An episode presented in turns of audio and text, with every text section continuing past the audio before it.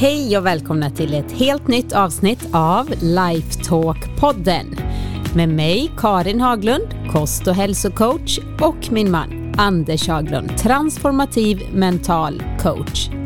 I den här podden får du svara på frågor inom personlig utveckling och mental hälsa.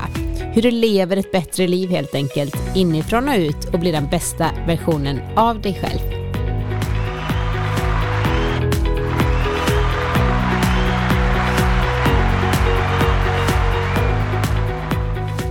Hej Anders! Hej Karin!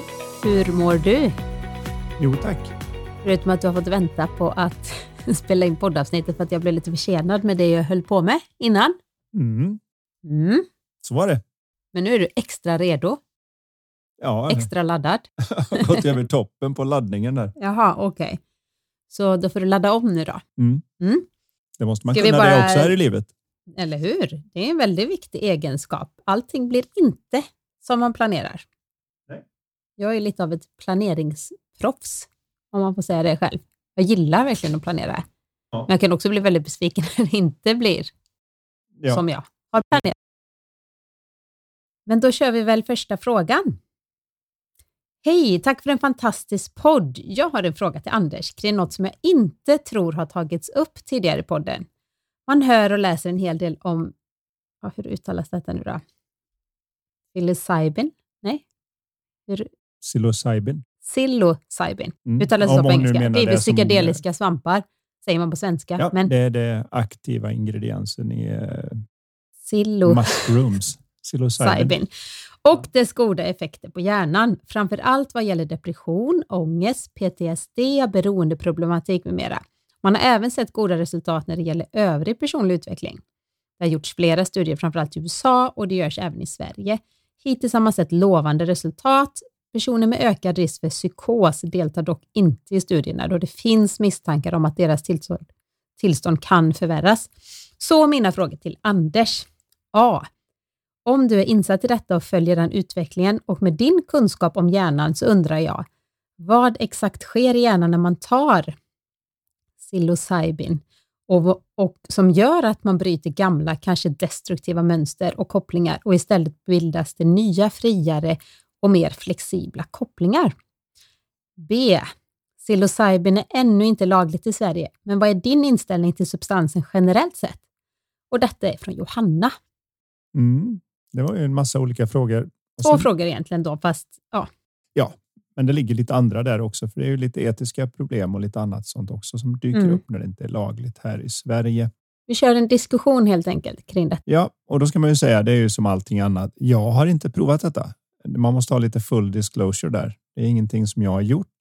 Eh, Jag har däremot klienter som jag har coachat som har provat. Så jag har så att säga andrahandsrök från det här. Och de har då åkt till någon klinik i Holland där man då är guidad av ett par, tre personer när man går igenom upplevelsen. Kan vi backa tillbaka lite och bara förklara, för jag tror att de flesta vet inte ens vad psykedeliska svampar eller psilocybin är för någonting. Nej. Nej, det finns ju så här i både då. Man kan använda lite olika saker. Det finns ayahuasca som kommer från en kaktus. Som också har psykedeliska effekter, men allting handlar om att man lämnar det normala tänkande som man har när man sätter ihop sitt medvetande. Det är ju någonting som händer när vi somnar på kvällen och vårt medvetande lämnar och så vaknar vi på morgonen och så är man tillbaka efter en liten stund och är precis samma person och hela medvetandet går ihop i en enhet igen. De här olika psykedeliska eh, substanserna då påverkar den där. Och många upplever då att när den här lite fasta strukturen av vem jag är, vem jag upplever mig vara, vad jag har för begränsningar och vad jag har för möjligheter, när de löses upp i den här processen med hjälp av då det här som är i viss mån ett gift. Är det någon form av drog, eller? Kan man säga Ja, det? man kan använda det som Mm. en drog. Det är ju allt ifrån, det finns ju de som slickar på ryggen på grodor och får med sig Va? riding the frog eller vad de kallar det för någonting. Det finns eh, en väldigt stark psykedelisk, det är en viss form av padda som eh, en del då svär att eh, det, när jag gör den då får jag kontakt med hela universum. Men när jag kommer ut på andra sidan så kan jag aldrig mer se livet på samma sätt och så. Och det här gäller ju även då de här specifika svamparna. Det är mycket som kommer från svampvärlden som vi inte riktigt vet. Jag menar penicillin kommer ju därifrån. Mm. Hur har man upptäckt de här? Vet du det? Förmodar att det är som allt annat, att någon råkade prova på fel svamp och överlevde det. För att mycket av det här, om man tar för stora doser, så slutar det inte bra. Svampar kan ju vara extremt giftiga, men i då det här fallet med psilocybin så har det då just de här psykedeliska effekterna. Och de jag har pratat med, samtliga ska jag säga då, har alla sagt att eh, de har kommit ut på andra sidan och eh, känt att de på något vis har lättat eh, sin nersida av livet och även att de har fått någon sorts glimt in i något större. Och den har varit bestående. Det är ju kanske det märkligaste. Så jag är ju nyfiken när jag har hört det här, så jag har ju också läst på lite grann om det och sett att det är många läkare nu som börjar se det, att de och bättre effekt på det än flera år med terapi. Och det säger ju en del. Men jag kan inte prata om det så mycket mer. Alltså, jag gillar ju allting som har möjligheter, men man ska ju då som det står här också vara lite försiktig beroende på, för de vet ju inte riktigt om det är så att alla tål det, om alla har en bra upplevelse. Det vet man ju inte, för det är nu ett utvalt gäng människor. Och sen har vi då den här starka biten med en placeboeffekt när vi har någonting som händer i systemet så får man också en anledning att kanske släppa vissa saker som känns som att jag gjorde det här, då är det okej okay att vara annorlunda.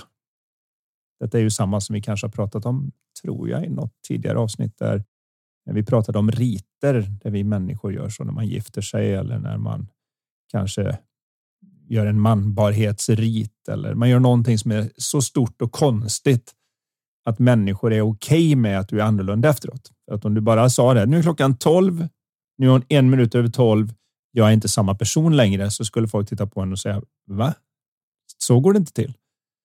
Men om du säger att klockan tolv blir jag kidnappad, utdragen i skogen. De hällde i mig en massa konstiga substanser. Jag, eh, världen löstes upp i sina atomer och de kastade mig ut för ett stup med någon form av bungee runt mina fötter och när jag landade på andra sidan så snippade de av vissa delar av min manliga anatomi och därefter gjorde vi känta vi i två timmar och efteråt så var jag helt annorlunda så blir folk så här som att ja, det kanske kan ha hänt.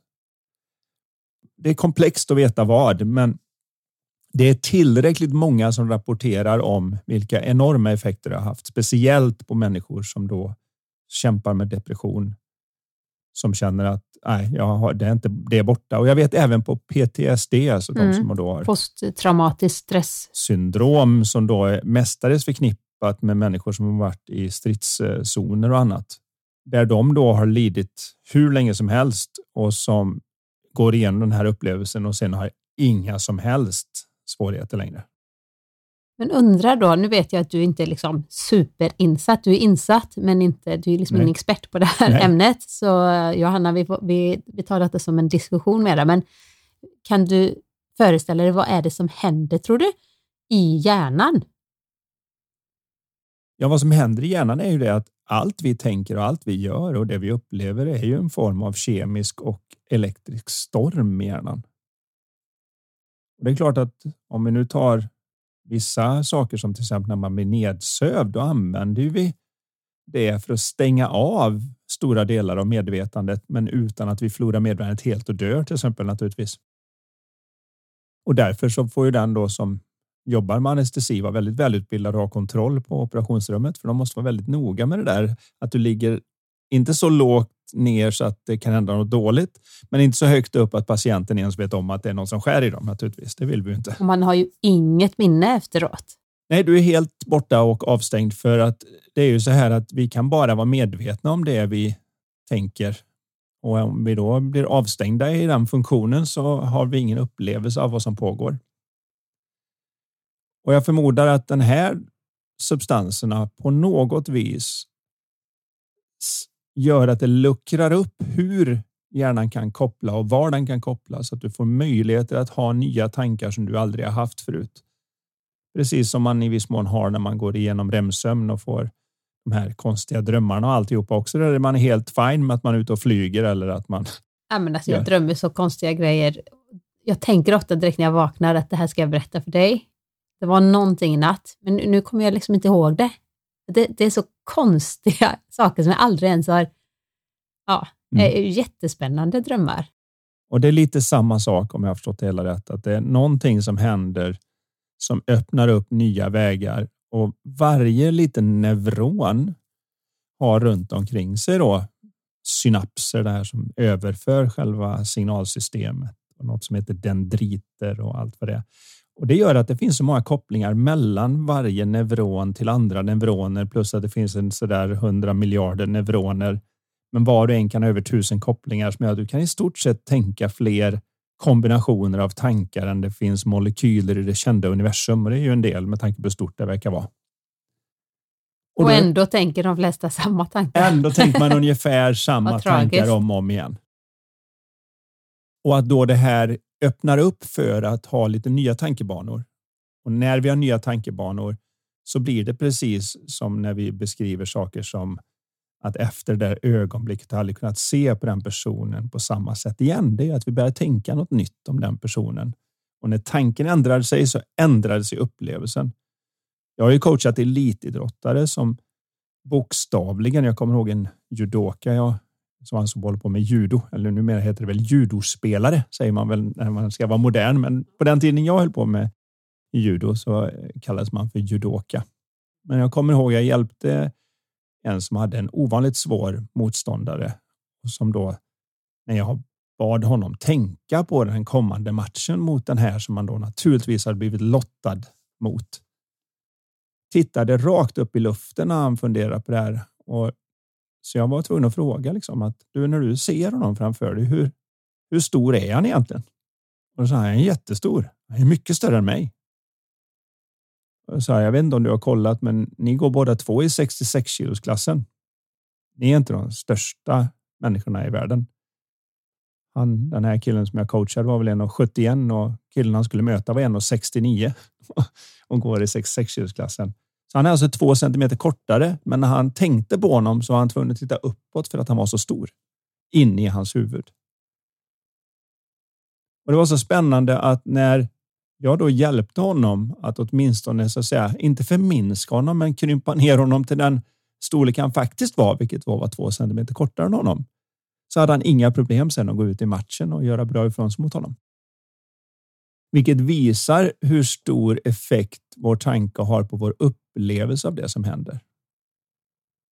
Och där tror jag då att den här substanserna, de psykedeliska substanserna kan ha en, en skillnad.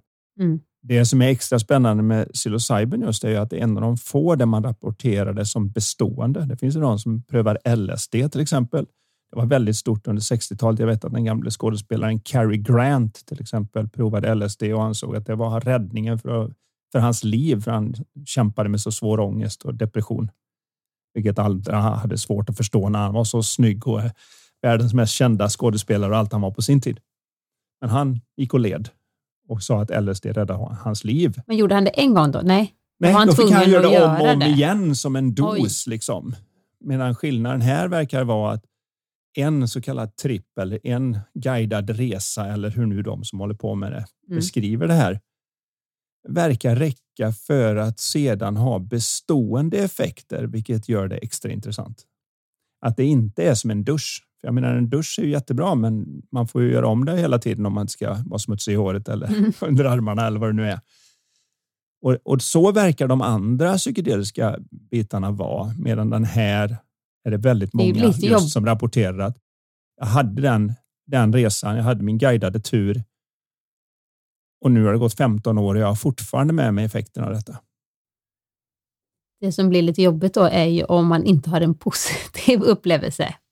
Även om det är väldigt många, man, jag har också hört jättemånga alltså, som har positiva upplevelser av det. Men det finns ju också garanterat de som har väldigt negativa upplevelser. Tänker jag. Det brukar vara så. Och då ja. är det tråkigt att bära med sig det, om det ändras någonting åt, åt fel håll. Det beror lite grann på hur man menar med positiva upplevelser. För jag har några stycken av dem som jag har haft i mitt nätverk som berättar om det här, där själva resan i sig var oerhört jobbig. De konfronterades med i stort sett allt de ansåg att de hade gjort fel i livet och saker de borde ha sagt till folk. Så att det var superjobbigt. Det var liksom fyra timmar av elände, tortyr och Alltså, för dem. alltså bokstavligen var det som att gå genom Dantes inferno, om det nu är någon som är bekant med den idén. Men alltså man går genom ett helvete verkligen. Och alla dina största mardrömmar blir sanna under fyra timmar och du konfronteras med dem och ändå så efteråt så visar det sig att det öppnar upp någonting för dem som gör att de är liksom ah, och vad härligt att leva efteråt. Så det är inte säkert att själva upplevelsen. Det finns en hel del också som blir extremt illamående och det här. För att det är klart att när hjärnan inte får ordning på någonting så är det ju som att ha blivit snurrad i en torktumlare och då kan det uppstå vissa illamående effekter. Och det är ganska ofta det får stå en hink jämte den sängen där man blir guidad och sånt tydligen. kanske du skulle bli då eftersom du är väldigt jag är lite känslig för det. Så det är Snurra ingen, och, och karuseller och sånt. jag skulle fundera på att njuta av. Men det, det, är ju inte utan när man hör de här berättelserna. Man blir nyfiken på att se vad det skulle ha för effekter. Nu har jag ju inga mig veteligen större issues när det gäller ångest, depression, sådana svårigheter. Men man undrar ju ändå om det skulle öppna upp någon ny dimension, för man märker ju bara genom livet att det verkar inte finnas någon hejd på hur många gånger man kan ha en insikt som lyfter en högre upp. Och även om man då kan se att man har kommit ganska långt som person så inser man ju att jag har ingen aning hur många, förmodligen oändligt många nivåer ovanför det finns. Så det är klart, det vore jättespännande att få utforska dem på något sätt, men jag kan inte säga att det här är min totala expertis. Jag är välverserad inom det och kan en del för att jag har då fått prata med människor som har gjort det och jag har läst på lite om det för att det gör en nyfiken. Jag håller med, jag är supernyfiken, men, men på sätt och vis så känner jag att det är väl kanske bra att det är olagligt än så länge i Sverige för att göra mera tester, mer forska mera på det och förhoppningsvis om det ger, fortsätter ge liksom väldigt positiva resultat så kommer de säkert kunna börja testa detta. Jag tror inte så mycket att det är de positiva resultaten de är oroliga för, utan jag tror just det här att de är lite oroliga för att man ens har det där enda exemplet. För vi, vi i Sverige är ju lite mera både livrem och hängslen så att när någonting jobbigt händer, även om det är en chans på en miljon, så lagstiftar vi ofta mot det. Alltså någon cyklar, ramlar av cykeln, slår i huvudet. Nu måste alla ha hjälm. Inget fel på det. Det är jättebra. Cykelhjälm är ju för sig bra, för ja, det är ju mer ser, än, men jag förstår precis men, vad du menar. Men, själva principen att vi är lite oroliga för det där enda exemplet. Så jag tror att det som de flesta vill ha garantier för innan de då lagstiftar för att det är okej okay att ha den här typen av guidade turer och att den här typen av terapeuter får utbilda sig och, och öppna upp för klienter här i Sverige.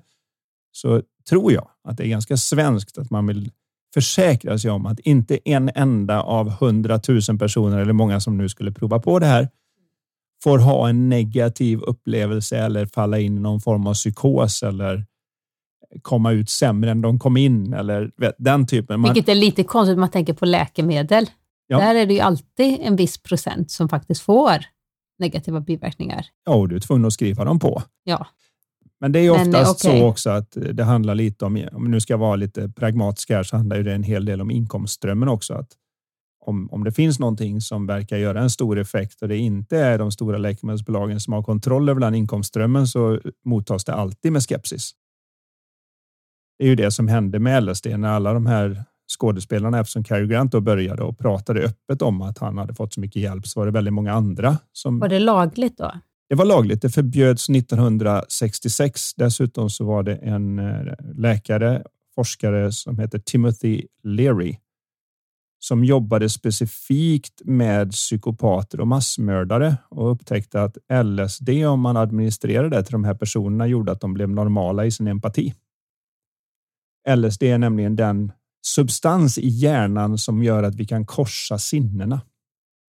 Så att du kan se när någon drar en hand i luften som om det var på en, en eh, kritad tavla eller någonting. Och för er, en del av er som bara hör att jag berättar det här nu så som, gör ni som Karin som sitter här och ryser och liksom bara För hon kan då plötsligt höra. Jag, jag känner det och hör och, det jättetydligt. Hör och känner någonting som jag krafsar i luften över. Och det som avgör hur duktig man är på det, det är hur mycket LSD man har. Har man för mycket LSD då trippar man och så har man ingen aning om man förstår inte varför blå färg smakar gott eller varför. Alltså det korsar helt och hållet och nu blir det svårt att hålla ihop verkligheten och det är det som är då att man tar vad de kallar en acid trip när man då tar för många mikrogram av LSD så att du får för stor hjälp att korsa dina sinnen och så får du inte ordning på någonting. Obehagligt. Har du däremot för lite LSD, vilket då tydligen vissa blir födda med, eller om de äter något eller utsätts för en parasit, virus, bakterie, kemikalie, metall, någonting i systemet som gör att de... Riktigt, ja. Det vet man inte vad det beror på, men det bara gör att av någon anledning så har, producerar du inte tillräckligt med LSD. Det gör att du kan i stort sett titta på någon som ligger och blöder och du känner ingenting. Till skillnad från dig då som, ingen... till skillnad från dig då som kan se det på nyheterna nästan i en tecknad film och gråta över det. Eller hur? Och det är ju det då som vi har några spegelneuroner uppe i hjärnan. De är specifika för att kunna känna vad vi då troligtvis tror att den andra personen känner när de går igenom det här. Det här gör ju att när jag ser när någon skadar sig i foten eller knät, som jag då har gjort det både via fotboll och blivit överkörd av bussar och jag vet inte allt vad jag råkat ut för. Så när jag ser det så kan jag liksom känna hur det känns. Jag liksom, och så syter man och måste nästan ta upp benet och klia på det lite för att det känns som att åh, vad det gör ont. Uh, aj, aj, aj, aj, aj, vad det gjorde ont när någon fotbollsspelare stukar ner foten fullständigt eller något sånt där. Man bara, alltså, det är som barnen kollar på, vad heter det här äh, på Youtube? Mm. Fail, fail, uh... ja, fail, fail Army. Ja. ja, det är bara massa sådana här. Och de hoppar studsmatta oh, tjoho, och sen så ramlar de. Eh, och, och, och, det är väl ingen som kanske skadar sig jätteallvarligt mm. eftersom de visar det här. Men alltså, jag fattar inte hur han kollar. Jag blev helt... Alltså det, jag klarar inte av att se det. Du hoppar och skriker och jag har jag vill lite inte... så att jag vrider mig i stolen när jag ser det, för jag liksom tycker att nej, det där är faktiskt jobbigt. Ja, nej. Eh, oh. och, och det där gör ju naturligtvis då att man visar ett, hur mycket LSD man har och två, att spegelneuronerna som man har i hjärnan fungerar som de ska. Men då var det vissa som alltså inte har det här och då upptäckte Timothy Leary att ja, men det kan man administrera LSD utifrån och då blir den här människan plötsligt medkännande och förstår vad de har gjort med sina offer som de inte kunde känna överhuvudtaget alldeles nyss. Och det var oerhört framgångsrikt, men av någon anledning så beslöt man då när alla de här kända människorna började ta det här, inte just för att bli av med sådana saker, utan bara som en allmän drog. Mm. Då tappade läkemedelsbolagen kontrollen över inkomstströmmen, för det här är väldigt billigt. Och då förbjöd man den 1966 och gjorde det då till en förbjuden illegal drog, varefter Timothy Leary skulle sättas i fängelse för att han då inte ville sluta eftersom han såg så fina resultat. Och det finns ju en viss risk för något liknande med psilocybin. Mm. Spännande. Det. Så det är spännande. Det är lite fortsättning följer på denna jag tror det kommer hända mycket fram de närmaste två åren. Ja, vi, är inte ens, vi vet ju att någon om 50 år, 100 år kommer titta tillbaka på vad vi höll på med och säga, förstod ni ingenting? För det är ju vad vi tänker om vi ser några på 1900-talet eller går vi till 1800-talet så tänker vi bara wow. Och då har ändå inte utvecklingen från 1800 till nu, alltså de 200 åren, vi kommer ju nästan gå lika mycket framåt på de närmsta tio åren med lätthet. Så att det går mycket fortare nu. Så att ganska snabbt så kommer folk längre fram i tiden. Med andra ord kommer vi bli nu. väldigt, väldigt gamla när vi är gamla. Vi kommer ja. vara sådana där... Jag vet inte vi kommer vara så långt efter ja. så man har ingen aning om hur långt efter man är förmodligen. Och vi kanske blir jätteexotiska när vi berättar hur det var när vi var små. Mm. Ingen var... Nej, äh, Va? Så Hade ni en telefon att hålla i? Det har vi Ingen numera bara en litet löjligt chip som inte är större än ett riskorn som sköter allt sånt. Jag vet inte. Det är väl inprogrammerat. Ja. Det är väl cyborg. Ingen aning vad som komma skall. Men vi, tar en, vi kan prata om detta hur länge som helst känner jag. Jag tycker också det är jätteintressant. Hoppas att Johanna och ni andra fick ut, eh, det kanske var många tror jag som inte visste vad det var. Då fick man en liten introduktion till det. Ni lär säkert höra om det framöver mera. Men vi tar en ny fråga. Hej och tack för en fantastisk utvecklande podd. Faktiskt den enda podcasten som jag lyssnar på. Oj! Det var... Det känns som en väldigt eloge här. Ja, det får jag säga. tar vi som fina komplimanger.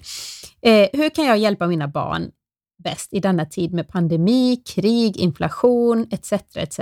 Mina barn har än så länge bara fått uppleva en värld som är otrygg. Vi förmedlar trygghet och kärlek såklart, men min rädsla är att vardagen överskuggas av negativitet ifrån media, krav ifrån skolan och en vardag i hets. Hur kan vi finna balans i allt som försiggår runt omkring oss, både i vardagen och i omvärlden? Tack för att ni finns och att, tack för att ni tar er tid och kraft för att sprida mental klarhet. Och detta är från Emma. Fin. Hej Emma. Hej ja, Emma. Nog är det väl härligt att vi ofta gör mer för andra än vad vi skulle kunna tänka oss göra för oss själva. Och det tror jag alla föräldrar märker av tydligt. Och när man är kär så märker man det också. Men jag tror att den första delen i det här som jag skulle vilja slå ett slag för är helt enkelt att vi behöver vaccinera barnen mentalt. För oavsett vad man tycker om vaccin så är idén fantastisk. Du administrerar en liten dos av något så att du klarar av något mycket större sen. På samma sätt skulle jag vilja påstå att den mest effektiva vaccineringen idag är inte att säga att ah, du får inte titta på nyheterna, du får inte prata med dina kompisar för jag tror du kan bli negativt påverkad. Utan att man har en allmän diskussion om varifrån kommer din upplevelse av livet? För det är en väldig skillnad på det här med, för det är, det är som två delar av hur livet funkar. Att vi har en upplevelse av våra omständigheter och så har vi våra omständigheter. Och vi behöver alla någonstans den där förståelsen för att. Jag vet inte vad vi ska ha för skillnad, men ibland har jag fått någon sån här som att. Ja, men om en bil kommer och kör rakt över dina fötter och det gör jätteont. Då måste du väl säga att då spelar det väl ingen roll vad man tänker. Det är ju bara vad det är. Ja, omständigheten är överkörd fot. Men Omständig, omständigheten är icke positiv. Den nej, är väldigt nej, negativ. Nej, jag har inte sagt någonting bra om den. Men vad vi däremot kan säga är att om vi nu tar och låter fem personer stå där och få sin fot överkörd så kommer vi ha fem helt olika upplevelser av det. Det kan rangea allt ifrån att det är, det är så illa så att jag tror jag ska dö, så man ligger ner och skriker och donar och så är det någon annan som bara äh, fasen också. Och så kan det vara någon som äh, var klantigt och som nästan börjar skratta åt smärtan. Alltså det finns, det finns en sån enorm range på upplevelsen av omständigheten. Men det är ju inte det att det skulle vara att den ena är mycket mer viktig än den annan. Om omständigheten är viktig för vad det är som pågår. Vi behöver undvika vissa undvika saker. Undvika att bli överkörd. Ja. ja, det, är inget, det är inget bra att vara där naturligtvis.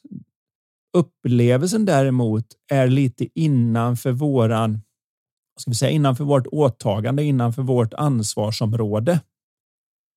Inte på det sättet att jag kanske kan kontrollera upplevelsen fullt ut. Men jag kan ha ansvar för den och se att den kommer från mig. Så det är en stor skillnad om ett barn kommer hem och säger min klasskamrat var taskig mot mig och retades. Och säger låt absolut ingen få dig att må dåligt. Det där ska du inte. Det ska du inte ta. Och att säga du vet om att ingen har makten att få dig att må dåligt. För omständigheten att någon säger taskiga saker är en sak, men upplevelsen av den är inom din eget ansvarsområde kan man ju påpeka att det verkligen inte är okej okay och att man behöver ta tag i de sakerna ja. som rör omständigheterna. Till exempel ringa till skolan, kontakta den här kanske barnets föräldrar och så vidare. Men även allt det gör jag bättre när jag inte är helt upprörd. Absolut. Så att det är en sak att ta hand om och se till att man har så bra omständigheter som möjligt för att det ska funka på utsidan naturligtvis. Jag vill inte ha liksom överkörda fötter till exempel eller mobbade barn eller vad det nu än är. Men jag kan inte vara där jämt och ständigt och alla vet att om en förälder står och ser till att barnen inte blir retade så blir de extra retade när föräldern går därifrån för att de nu är någon mamma, mammagris eller något sånt där liknande. Det kommer man ihåg från skolan. Så att det är bättre att hjälpa till att vaccinera dem för upplevelsen av det de ser. Så att man förstår att det är ingen hjälp att skyla dem från allt utan istället prata med dem om vad det innebär och lära dem att tolka det på ett vettigt sätt och dessutom veta att det jag känner inför det jag tolkar det är inom min tankedomän. Det, det är någonting som jag hamnar i beroende på vilka tankar jag tar på allvar och inte. Och om jag inte tar dem på allvar, då kan jag diskutera de mest horribla saker utan att behöva ha känslan. Jag vet ju till exempel då vi var nere på den här utställningen om förintelsen. Mm, I somras. Ja, det, du kan inte tänka dig mer fruktansvärda omständigheter än att se de här högarna med skor. Och, alltså, det är knappt man kan. Men medan jag gick där så glider man runt i sin upplevelse av det. Ibland är man så berörd att tårarna trillar. Ibland är man fascinerad över mänskligheten. Ibland är man förundrad över hur det såg ut på 40-talet.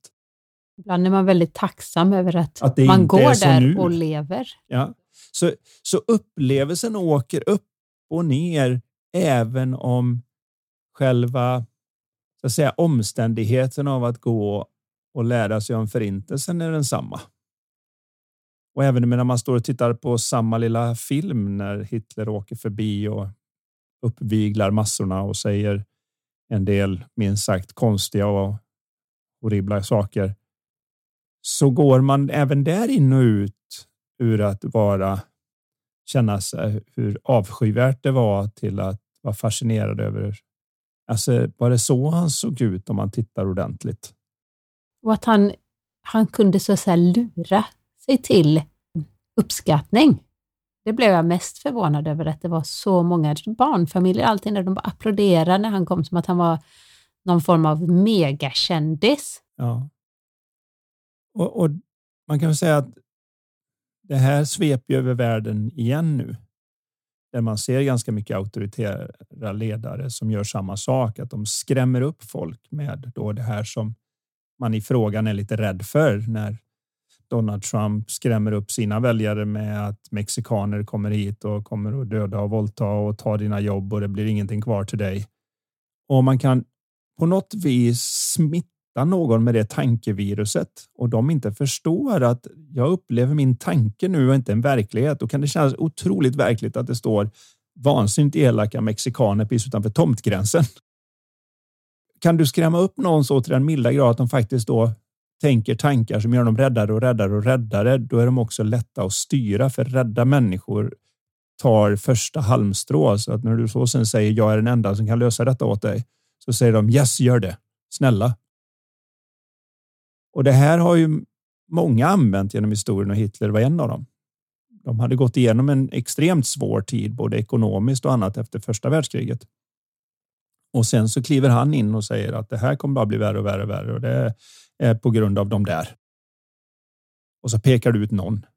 Just nu så håller vänster på att peka ut höger och höger pekar ut vänster. Men då så valde man liksom antisemitism och pekade ut judarna som hela ansvaret för den ekonomiska kollapsen som man gick igenom och där mängder av människor hade det svårt. Och så säger han, jag kan se till att lösa detta och det här är hur vi gör det. Och då går folk på den för de är så rädda. Och blir inte, så glada de, Det är som att de inte kan tänka själva då. Nej, man de... tänker inte bra när man är rädd. Rädda människor tar dåliga beslut nästan hela tiden.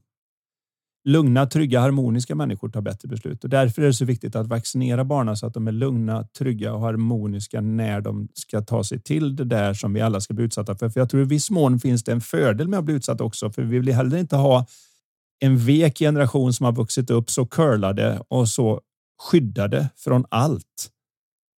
Att de knappt förstår sig på när det blir lite jobbigt. För vi har en generation som kanske är äldre än hennes barn nu som inte har upplevt en kris. Vi hade en vid 2008, 2009 någonstans där ekonomin, men då, då hittade man på att trycka mera pengar och folk gick med på att man gjorde så.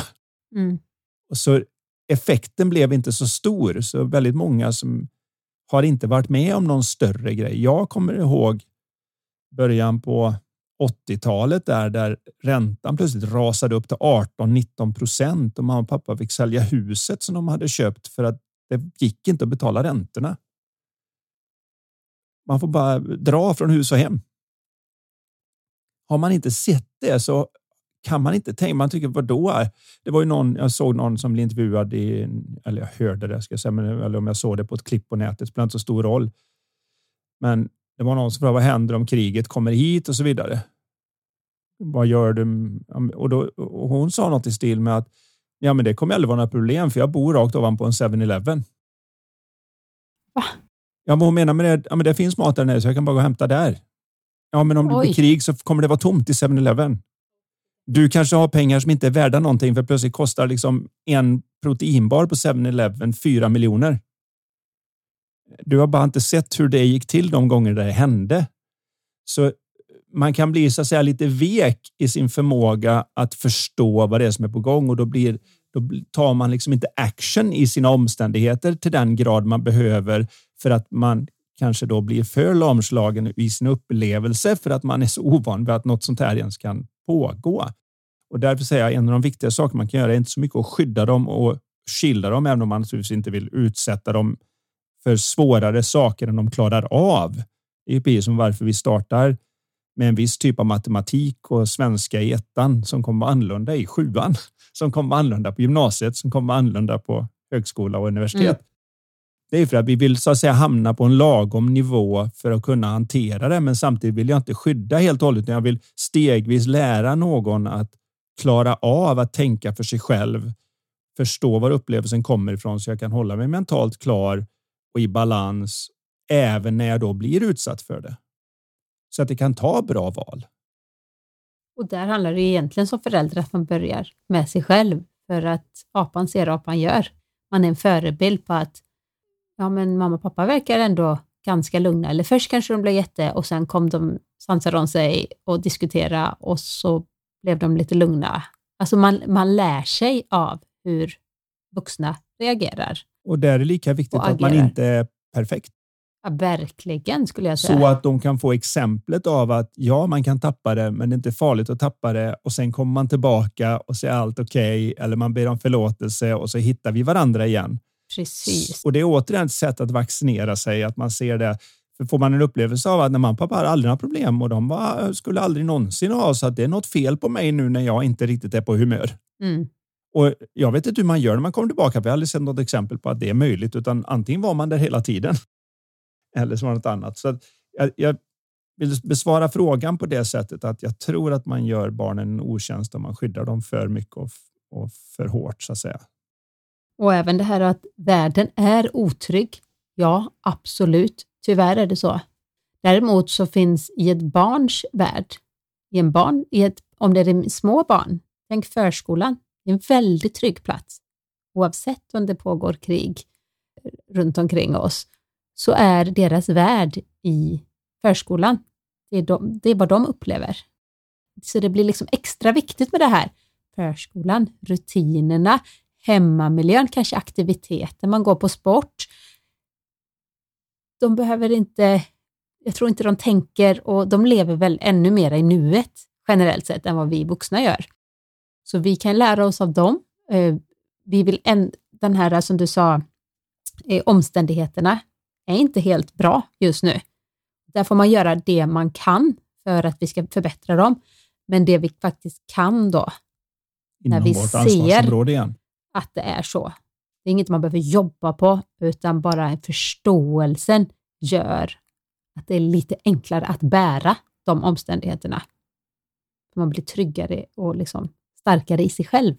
Och att man pratar om det så att man får chans att vaccinera dem när det dyker upp. För jag menar, sista tre veckorna, jag vet inte vad de har pratat om i skolan. Jag förmodar att de har pratat om Ukraina, vad som pågår där. och Jag tror att det gör man med goda intentioner, men som våran sexåring som kanske då inte riktigt kan processa vad det innebär. Hon har ju frågat mig nästan varje kväll när jag lägger henne om jag då säger hon så här, pappa, lovar du att de inte kommer bomba oss i natt? Och då får jag säga, Ja, det kan jag lova, precis som jag lovat de andra nätterna. Och så får man prata om någonting som gör att de känns trygga, men samtidigt kan förstå hur hemskt det är för de som är där. Men det är lätt att man bara tar upp den för att visa det och så ser man inte att en sexåring har inte så att säga målarpaletten. Det måste vara någonting de har gjort precis väldigt nyss. För ja. innan kunde det komma ibland några sådana tankar från henne, men absolut inte nej, nej, så. Nej, aldrig, utan det är någonting som har blivit. Jag kommer ihåg bara jag såg en tecknad film med någon professor som uppfann någon konstig personsökande pil som jagade en person. Jag, jag drömde om den i tre veckor och det var en tecknad film. Våran äldsta son som nu är 13 hade den mest oskyldiga lilla pixieboken som jag läste om häxan Mara och häxan äppelnallarna. Mara. Oh, och, och, och, när man läser den så tänkte man bara det här är faktiskt det absolut sötaste jag har läst om små äppelnallar som ska skydda sin äppelsaft. Och så kommer häxan Mara på sin och låser in äppelnallarna i deras källare för hon vill ha all äppelsaft. Och så kommer vad det nu var för några Det var någon som räddade. Det var någon gädda. Bussgädda eller vad var det? Man, Ja, jag... ja, det var en gädda och så var det någon annan. Det var hund, en liten hund som var Just med det. där som, som utan att visste om det drömde. Och då hände något magiskt precis där när de kom och var rädda för häxan Mara. För då bet gäddan häxan i näs, den långa näsan mitt över vårtan.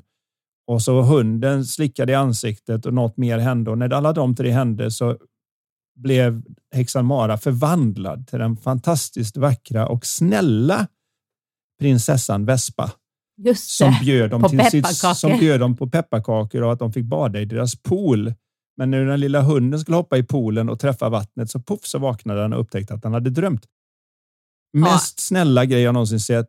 Jag tror att Vince hade mardrömmar i fyra månader. Mm. Över och, varje, Mara. och varje kväll gjorde samma grej. Eh, Pappa, lovar du att häxan Mara, du vet, häxan Mara är inte här eller? Och, man bara, va? och då har han liksom tittat på du vet, såna här filmer som man tänker att det borde du nog inte se. Det här är ju 15-årsgräns när han kommer och sätter sig jämte mig eller något sånt där. Inga problem. Häxan Mara är grejen. Så man vet ju aldrig vad det är som träffar i sinnet hos ett barn. Så man behöver vara där så att man hjälper dem med ett mer vuxet perspektiv och vaccinerar dem från vad det är. och när det har hänt, att man diskuterar det och liksom Ja. hjälper dem då att... ja, hjälper dem att hantera det med en annan palett så att de inte blir offer för sin egen nivå av fantasi. Utan att de då får den här tryggheten i att nej, det, det kan jag lova, det är så här det ser ut. Mm. Vi är en bit från den eh, krigszonen som det är. Och så vidare. Så får man, och det ska vi vara väldigt tacksamma över, att det ser ut som det gör på det sättet och så vidare. Men och man behöver inte lägga på dem att men det kan eskalera om de använder kärnvapen. Det är ingenting. Det är, det är need Nej, det to behöver know en basis. Det behöver inte en sexåring veta. veta. Nej. Så man behöver, återigen, det är för att det är en nivå som inte är i klass 1.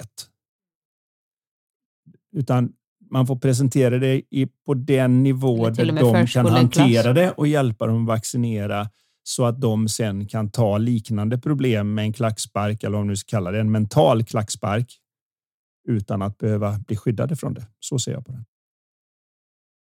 Ja, väldigt viktig fråga, väldigt bra svar Anders. Eh, vi tar en sista fråga, det är från Linda. Hej, jag har en fråga. Hur ska man kunna uppnå en god mental hälsa och hållbar livsstil i ett samhälle som spinner så fort? Jag har jobbat med friskfaktorer, reflektion, avslappning, träning och återhämtning i min vardag, men tycker ändå att livspusslet är svårt att få ihop. Hur står man emot yttre krav och hittar en balans? Kanske är det en stor fråga, men tror att fler än jag brottas med detta. Linda, det tror jag också. Det återkommer ofta det här med balans, eh, det spinner på, det är krav, det är omständigheterna yttre och så vidare. Ja, livspusslet, Anders. Ja, vi pratade ju faktiskt om detta här i morse. Då en av mina klienter hade nämnt att han som var, så jag tror att det här är något man kan säga, eh, för det var med i någon intervju, men det är han som startade och är vd för det här företaget Void som gör elskotercyklar. Som det då gick väldigt, väldigt bra för jobbade så mycket att han hade så svårt att få ihop det att han gick omkring på gatan och tänkte att när det kom en buss att jag sträcker ut armen så att bussen får köra på den så att den går av. Då måste jag vara ledig. Han gjorde aldrig det. Gjorde inte Men det, bara det, men det var tanken. hur illa han kände sig i den positionen när många tänker att hade jag varit så framgångsrik, tjänat så mycket miljoner och där, där, där, så Då hade jag haft så mycket balans Oj, och mått jag så bra. balans och sådär. Men det visar ju just den här att alla åtta miljarder människor bygger just sin upplevelse på samma sätt och det är inifrån och ut. Vilket gör att jag kan sitta i- någonstans och ha ingenting att göra och känna mig så stressad så adrenalinet sprutar ur mina öron. Och jag kan vara på ett ställe där jag har så mycket att göra att det går inte att hinna med allt och jag väljer ut de tre viktigaste sakerna och bör, kör igång med dem och går mot den deadlinen och tycker att det är stimulerande och fantastiskt vad tiden flyger iväg för det är så kul. När vi börjar se de skillnaderna så börjar vi i alla fall se den där skillnaden på just vad är omständigheten och vad är själva upplevelsen. Och att man separerar de två är hemlisen till att börja med. För utan att jag kommer in i lite av en balans så blir det svårt att se hur pusslet ska lösas. Precis, för i mental klarhet, när man är mer i balans så, och tittar på sitt liv, gärna med så helikopterperspektiv, att man zoomar ut och Mm. ser, så blir det tydligt att man kanske ändå inte kan få till det, men man kan förbättra vissa delar och kanske långsiktigt veta att ja, men jag skulle sträva åt, åt det här hållet. Jag har en vision att kanske inte går att lösa nu, men kanske om, inom fem år så kanske vi har löst det så här. Och de tydliga, för när man är i obalans, om man säger så, eller mellan öronen, att man inte är mentalt klar och kollar på sitt liv, så kan det ju kännas som att äh, men det här livspusslet det får man verkligen inte ihop och så kommer man på helt galna lösningar som att nej, men vi, vi bara drar härifrån, vi flyttar utomlands. Så kan jag känna ibland bara, nej, skiter vi vi, vi det- någonstans. det är och det kan, vara, det kan vara bra om det kommer från, men det blir så konstigt när det inte kommer från mental klarhet. Problemet blir det blir inte just att sant. om jag tror att min känsla kommer från mina omständigheter så kommer jag vilja ändra mina omständigheter oavsett om det är att jag skaffar ny partner, jag skaffar nytt hus, vi renoverar köket, vi, jag ska ändra på allt, jag byter jobb. Den, den är väldigt, väldigt förförisk eftersom vi är uppfödda i att det är så det ser ut.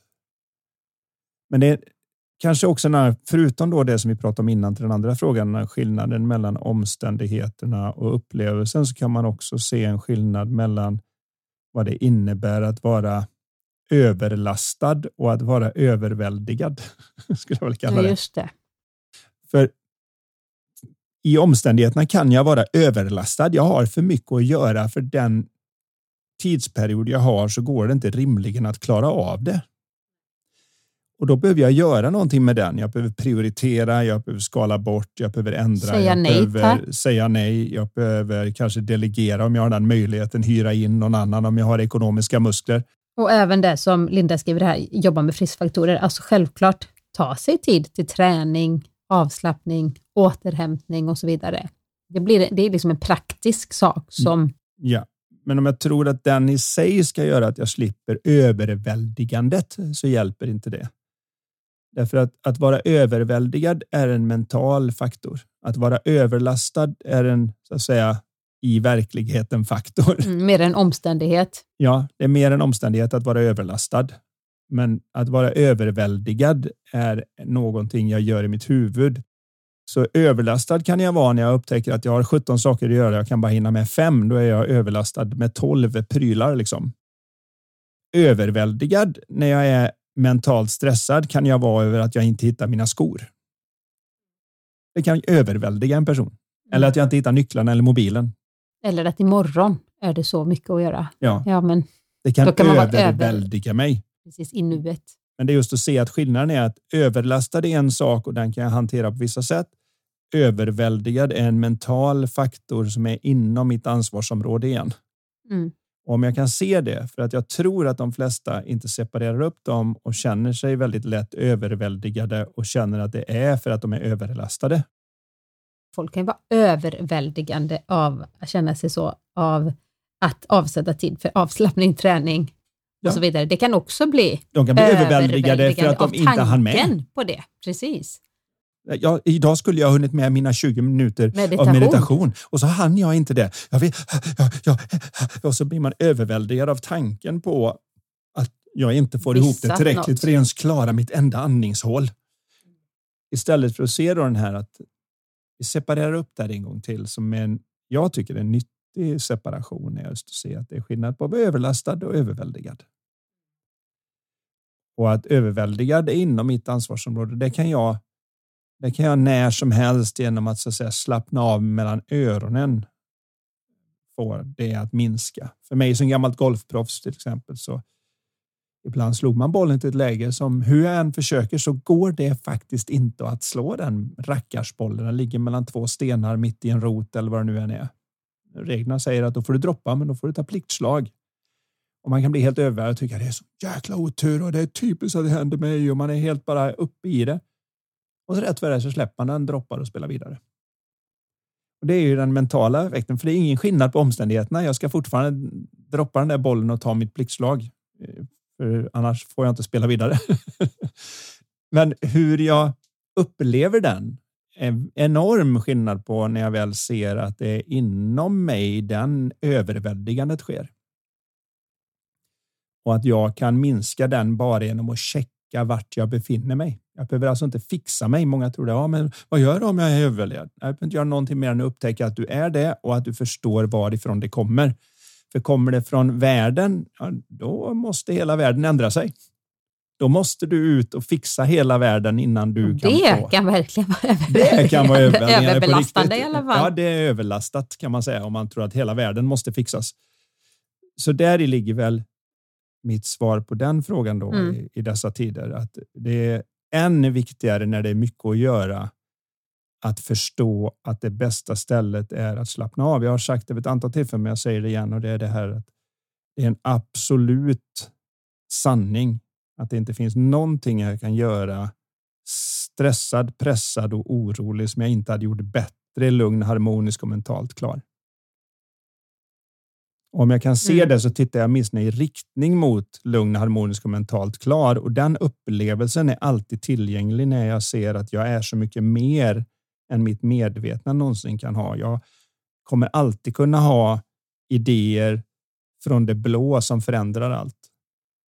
Min upplevelse förändras konstant. Eh, Oavsett om jag vill eller inte så flyter den omkring upplevelsen. Vi har alla vetat om det, men vi har skyllt det på omständigheterna. Jag vaknade upp på ett jäkla humör och så klockan 11 mådde jag riktigt bra. Men det var för att jag hade den där härliga konversationen på frukosten med den här personen. Och hade inte det hänt så hade jag nog fortfarande varit på dåligt humör och så börjar vi skylla bort den. Och vad vi Istället för att inse vi, kraften i att behöver inte vara det där goda samtalet. Nej, det hade skett oavsett. Du hade kunnat gå in i en garderob och sitta där så hade det också gått över. Men då hade vi trott att ah, det är när man sitter ensam. Det är då. Det är Ingen då det, garderob. det är då är Vad jobbigt om man garderob. va? Ta det som en sanning. att Var är göra. Karin nu? Ja. Nej, nu, nu hon sitter i garderoben.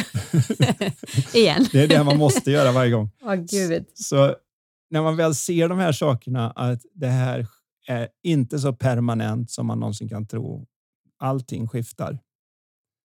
Och att det gör det på egen hand och det gör det fortare när jag inte håller fast i det för att jag inte börjar kämpa med utsidan istället för att ta det lite lugnt på insidan. Yes. Sen kan jag tycka att det vore skönt med ett samhälle som inte spinner så fort, men det är som vi varit inne på innan. Det kommer kanske inte ske, utan det kommer nog gå fortare och fortare. Eh, Om kan- det inte blir som så att AI tar över alla våra jobb och vi helt plötsligt så behöver vi inte... göra någonting, ja, då finns det nog annat som eh, kan ta över där. Jag, Jag har ingen jag aning. kan inte se något annat än att det kommer gå fortare och fortare och fortare, för det är så som hela den mänskliga historien har varit. Det finns ju en anledning till att Gandhi svarade på någon sån där fråga. Han sa det, det finns mer i livet än att öka farten på det. Och då, då svarade han ju på det för 60-70 år sedan. Tyckte han att det speedade upp med den industriella revolutionen. Och det är ingenting mot nu. Vad som händer nu, nej, precis. Så om vi tror att omständigheter orsakar insida så kommer vi vara dömda att vara mer och mer stressade. Vad heter den här boken som jag har läst nu med tecknat, alltså som förklarar just hela industriella revolutionen och hur vi levde innan på savannen och alltså den är så, alltså den är så bra. Jag kommer inte på, jag vet ju det är han, Uppföljaren till Sapiens. precis, han, vad heter han, den Yuval- israeliska, Yuval Harari, vad heter han? ja precis, något sånt. Men det är han som har skrivit Sapiens och Homo Deus. Eh, han har liksom gjort jättefina sådana här, eh, Illustrerade, Illustrerade böcker. Där han försöker förklara, tror jag, för ungdomar. ja, tror jag- passar mig jättebra. Men det passar vem som helst bra därför Ja. att vem vill inte ha Det det, lite så- enklare Nej, förklarat? men det är så smart förklarat hur det här vetekornet och eh, alltså, Det sa ju allt för de som lyssnar nej, nej, nu. nej. Wow, jag, sa... jag kom tillbaka till det här. Det var som ett litet vetekorn som berättade om, ja, oavsett, det är ingen som fattar någonting. Läs boken, säger jag bara. Eh, jag tycker den var jättebra. Så är det. Eh, men vi vill också avsluta med, som vanligt, lite trygghet här, ni som lyssnar i podden, att vi alltid avslutar med ett kort från vårt spel som heter Life Talk. Det finns i två olika varianter. Och den här gången så har jag en fråga som lyder så här. Om du kunde stanna vid en ålder för resten av livet, vilken skulle du välja? Den du. Den Anders, vilken ålder du? vet ju att jag är ingenjörstänkande så jag skulle ju titta på den frågan lite som man gör när man tar en bil och funderar på vilken hastighet drar den minst, släpper ut minst men ändå går som fortast och så finns det två Mm. grafer som går ihop i en sweet spot. Typ 28 eller något sånt Nej, där? men som, Eller? som människa så handlar ju det lite grann om var är kroppen i tillräckligt bra, Bra form. form. samtidigt som sinnet och erfarenheten, visdomen, allt det där matchar Mera in kanske i en 38. punkt. Så skulle jag ju kanske vilja säga att för min del var det kanske någonstans runt 40-45. Jag tränade hela tiden så att det var där Mm. man kände sig fortfarande. Jag kände inte att jag upplevde att jag var mindre studsig, att jag sprang långsammare. Du är fortfarande studsig? Ja, det är men inte, jag kan känna nu Mm, med den här okej. åldern att den har minskat lite grann, den där spänsten. Men å andra sidan har då erfarenhet och visdom och lite annat sånt ökat. Men, men då har ju, då har ju så att säga kurvorna börjat gå isär lite. De har Just missat det. sweet spoten då. Det är ingenjören i mig tänker ju ungefär så. Mm. Väldigt effektivt och tråkigt. Eh, Men det där är ju bara en känsla och men det kan vara kul bara att Ja, men det är ha som en intressant och- reflektion. Precis, och väldigt kul att diskutera med någon. Så har du någon du kan haffa på stan? när jag ska Fråga, vad är din ålder där du vill trycka på hold-knappen? Eh, Det är ju faktiskt en intressant Här var jag fabulous. Ja, och den tiden kanske inte ens har kommit än. Så kan det vara. Men eh, tack så jättemycket för idag. Ett härligt samtal och eh, tack alla ni som lyssnade så hörs vi snart igen. Och förresten, jag måste säga en sak till. 25 maj, Ja. Anders. Då kör vi om din nya föreläsning. Det gör vi och eh, den heter ju att brinna utan att bränna ut sig. Det vi just pratar om då hur man hanterar den nya allt snabbare världen så att man kan behålla och öka sin produktivitet samtidigt som man minskar sin upplevelse av stress Och förstår lite mera sin inre värld. och hur det här fungerar tillsammans och var det egentligen kommer ifrån så att man får en för jag gillar att titta på vad är det som gör det möjligt att ta till sig de där goda råden som alla får. För att de flesta säger ju gör det här, gör det här, men det är ingen som säger vad är det som gör det möjligt för mig då? Och det är vad jag tittar på under föreläsningen. Vad är det som gör det möjligt? Vi hade ju faktiskt nu sist när vi körde, detta är i Borås förresten, vi kör om det här igen, för att det är lite enklare för oss. Ja, så är det med tre Eh, barn och annat. Man ja. är inte riktigt lika mobil vi- och bara flyger nej, till Stockholm Vi kommer säkert till hösten, kanske till andra städer, men vi kör Borås nu till våren. Och eh, vi hade två stycken som kom ända från Stockholm för att lyssna på dig live. Mm. Och de sa att de hade lyssnat på podden, jätte, jättemånga avsnitt och sådär. Man sa att wow, det var så magiskt att få, få höra det live. Mm. Vad De sa härligt. just det till mig, ja, att det var, Vi hade någon Eller- från Malmö och allt möjligt. Detta var ju värsta snöstormen så att eh, göteborgarna, det kom ju från väster så det var många göteborgare som satt fast i trafiken fast, och, i fyra timmar eller något. Så Ja. det var lite tråkigt på den kvällen. men där, de har chans att komma nu. De får Istället. ju komma den här gången istället. Så då vet ni det, vad ni gör den ni. 25 maj. Ja, hej på er allihopa!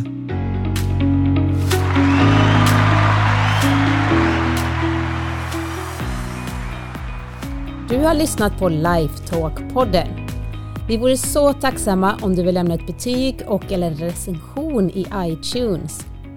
Dina frågor de kan du skicka till oss på lifetalkpodden.se. Spelet Lifetalk finns också att beställa där.